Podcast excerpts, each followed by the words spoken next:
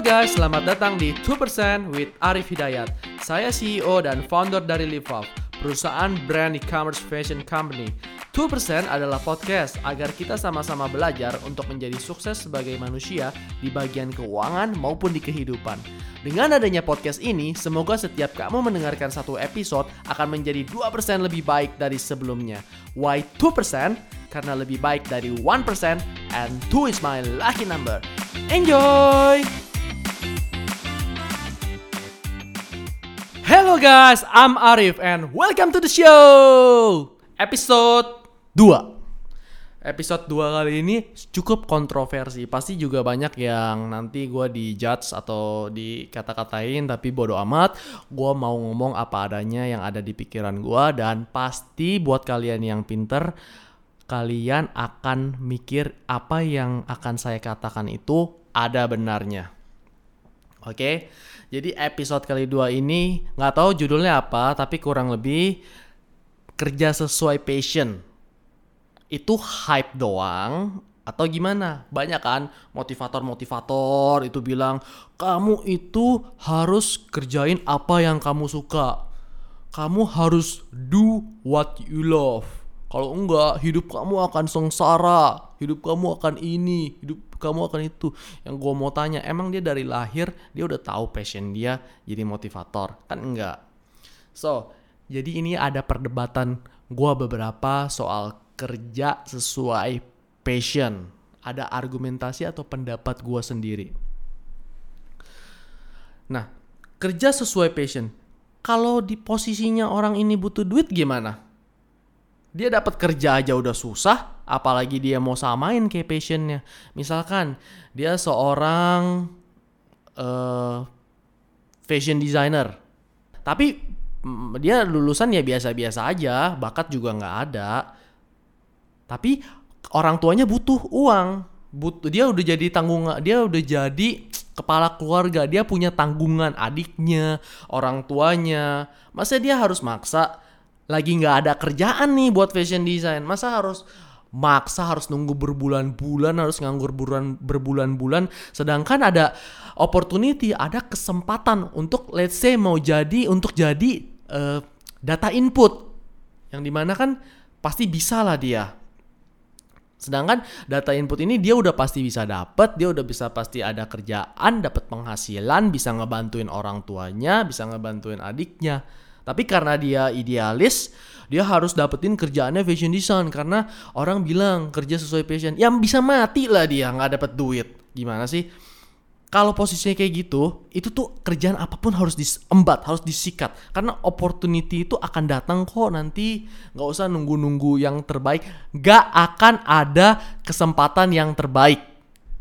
Jadi kalau lu kepepet, lu lu nggak ada kerjaan ya udah lu ambil aja kerjaan apa pun itu yang penting masih halal ya. Masa sih lu harus maksa diri lu sesuai passion lu? Lah kalau tadi misalkan lu udah kekeh banget lu udah maksa banget gue passionnya di fashion design. Eh belum tentu loh.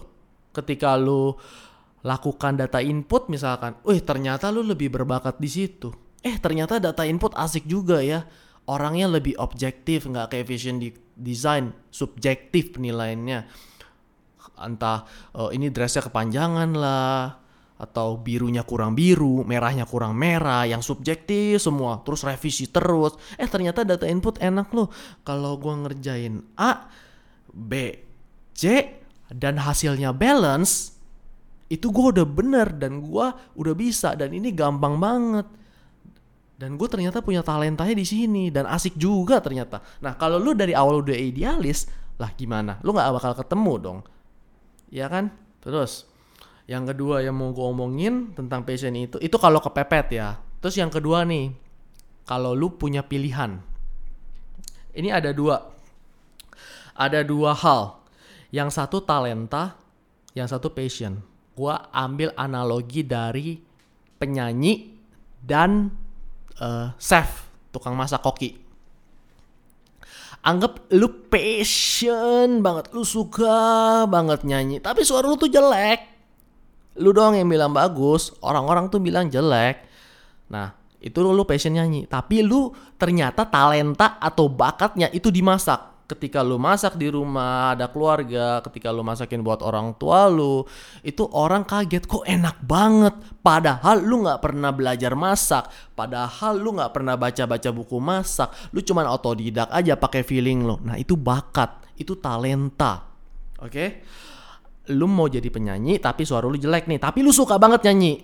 Yang satu sisi, lu biasa aja, bukannya nggak suka, biasa aja sama masak itu biasa aja. Tapi talenta lu, lu luar biasa. Lu hebat banget di hal masak tersebut.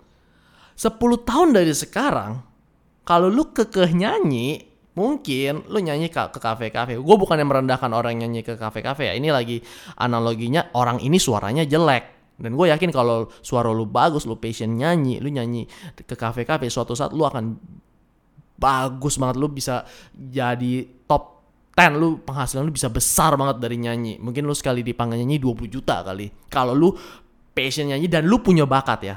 Ini konteksnya orang ini nggak punya bakat di nyanyi, suaranya biasa aja, nggak nggak bagus banget, udah ngeles lah, udah latihan, udah ketemu coach ABC, tapi suaranya masih biasa aja.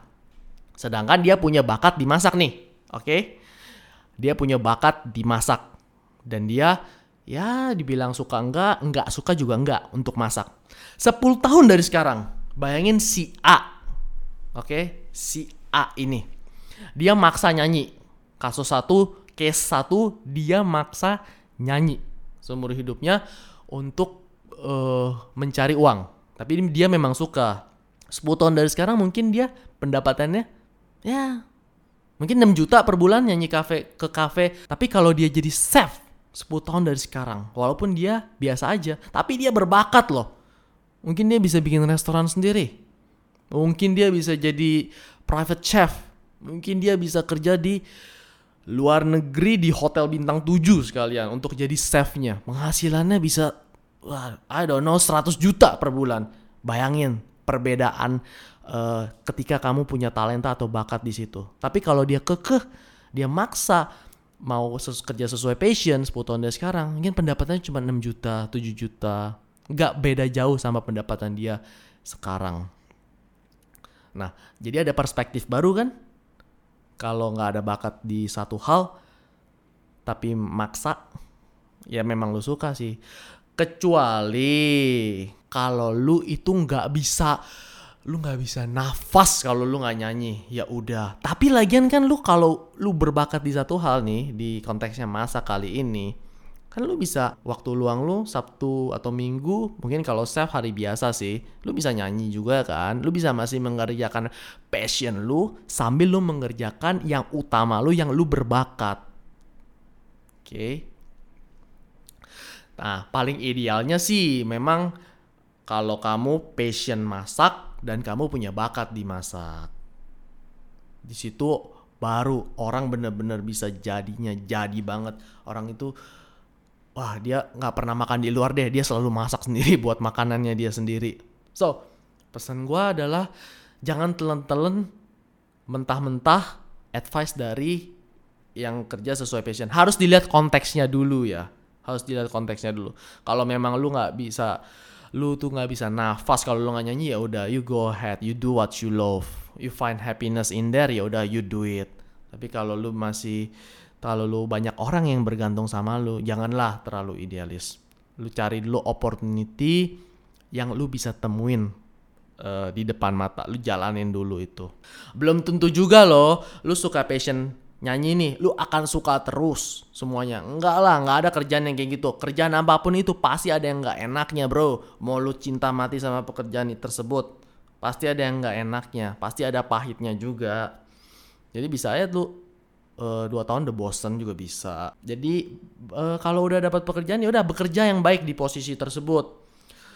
Fokus terus, jangan lihat A B C D ya passion boleh lu kerjain tapi jangan full time lah lu part time dulu atau enggak ya 10% 20% dari waktu lu cobain dulu taste dulu. Siapa tahu memang lu cuman pengen ikut-ikutan doang ternyata bukan passion. Ternyata pas udah ngelakuin ah udah susah juga ternyata mendingan kerjaan gue yang sekarang. Kan bisa aja kan? Jangan jangan pernah wah jangan pernah gini nih. Dengar satu advice kerja sesuai passion. Lu kerja A lu langsung resign. Lu harus lu langsung ngeja, nger, uh, ngerjain kerjaan B itu yang lu passion. Wah, gila lu bisa bangkrut lu kalau kayak gitu. Tapi kalau lu memang lu tajir banget, anak orang kaya banget ya udah lu laku you do what you want lah. Karena kan lu nggak ada tanggungan, lu juga kalau kenapa-napa ada backup dari orang tua. Dan ketika lu ngerjain uh, yang konteksnya tadi chef tukang masak bisa juga ternyata pas udah dijalanin setahun lu fokus di kerjaan sebagai koki, chef, eh, lu malah suka akhirnya. Dan passion itu bisa kebentuk dengan kebiasaan kok. Lu kerjain A, tadinya lu nggak suka, lama-lama lu akan suka karena lu udah jago di situ. Lama-lama lu jago di situ jadinya lu suka deh. Oke, tapi balik lagi ya.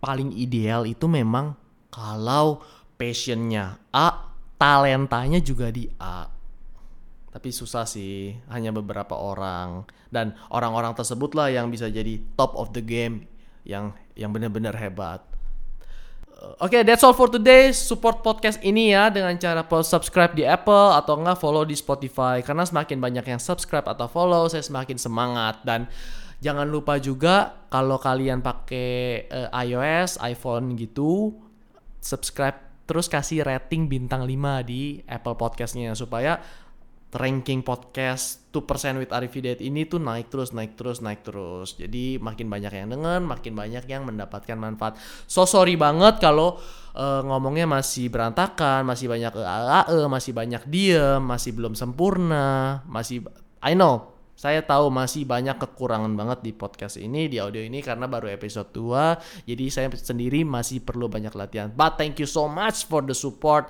Jangan lupa jika bermanfaat boleh di-share ke IG story kalian apa yang kalian dapatkan. Terus tag ke @arifhidayat di Instagram nanti saya repost. Thank you so much. Bye bye. See you in the next episode.